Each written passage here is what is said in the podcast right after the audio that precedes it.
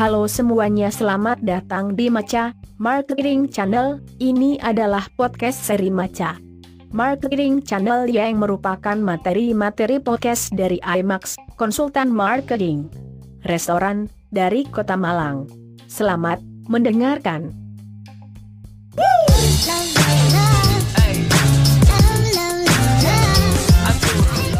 Perkenalkan saya Faisal Alfa kali ini saya akan share pengalaman saya waktu menangani klien dari Malang.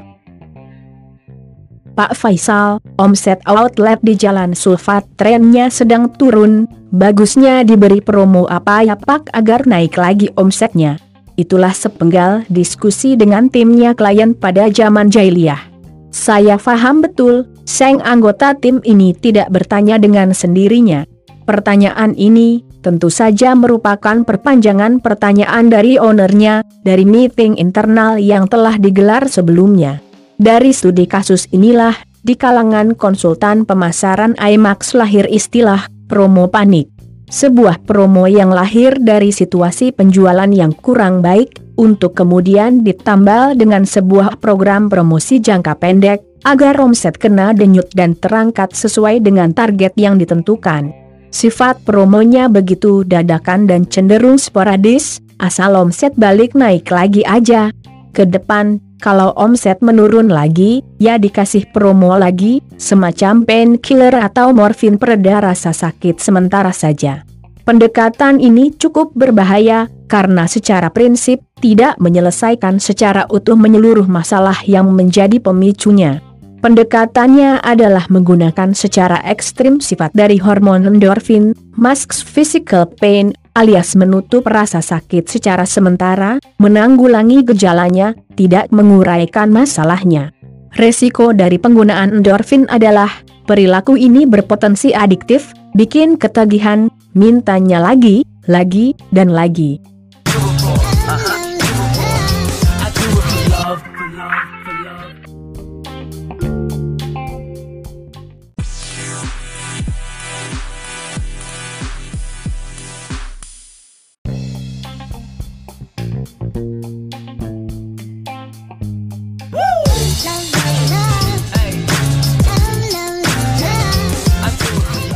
Para laperpreneur juga berada dalam kondisi yang tidak jauh berbeda, panik kalau biasanya rame lalu mendadak sepi, apalagi yang seumur-umur nggak pernah rame, adanya sepi dan kemudian sepi.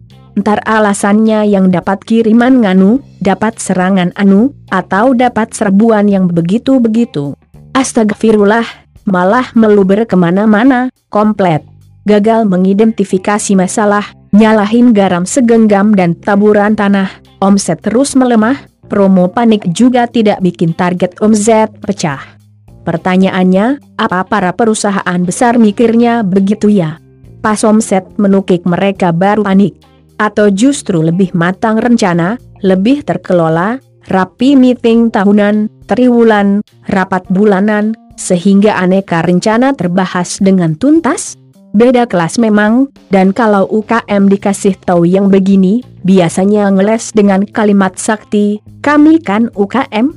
Semacam sebuah posisi diri mengamini keterbatasan dan minta diberi toleransi, agar tetap begitu-begitu saja, bukan karena gak ada cara, namun justru karena menutup diri meski sebenarnya ada tersedia aneka cara.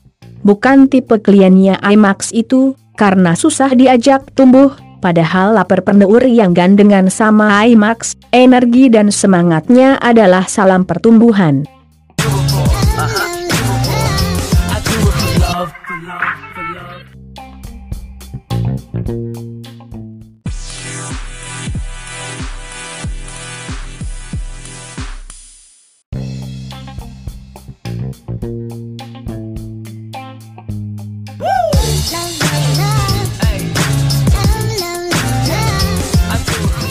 Hayo ngaku, siapa pelakunya? Bisa jadi Anda, wabil khusus ya saya. Karena memang, ini umum digunakan, dalam carut-marut dunia UKM, boleh dibilang ini malah jurus andalan, karena tak perlu analisis mendalam, Mikirnya endek-endekan alias dangkal-dangkal saja, asal selamat hari ini, agar besok dapat jualan lagi. Lebih khusus, promo panik ini akan semakin menarik hati untuk dieksekusi, saat Om Z lagi turun, dan kompetitor Kok Tian dilalah bikin promo, maka, rasanya kurang afdol kalau kita nggak bikin promo juga. Jatuhnya jadi double combo, promo panik yang latah. Lebih dalam lagi pembahasan, dalam promo panik ini, biasanya diskon jadi andalan. Pikiran yang tertanam, diskon ini seperti jadi obat segala penyakit kecuali kematian, memangnya habatu sauda. Heem talah. Omset turun, diskon. Pembelian melemah, diskon. Awal bulan, diskon. Akhir bulan, diskon. Mempan gak mempan, diskon. Dikira kalau diskon, jadi rame, laris, happy problem. Padahal bisa jadi kalau rame, bukannya happy problem, yang ada malah problem beneran.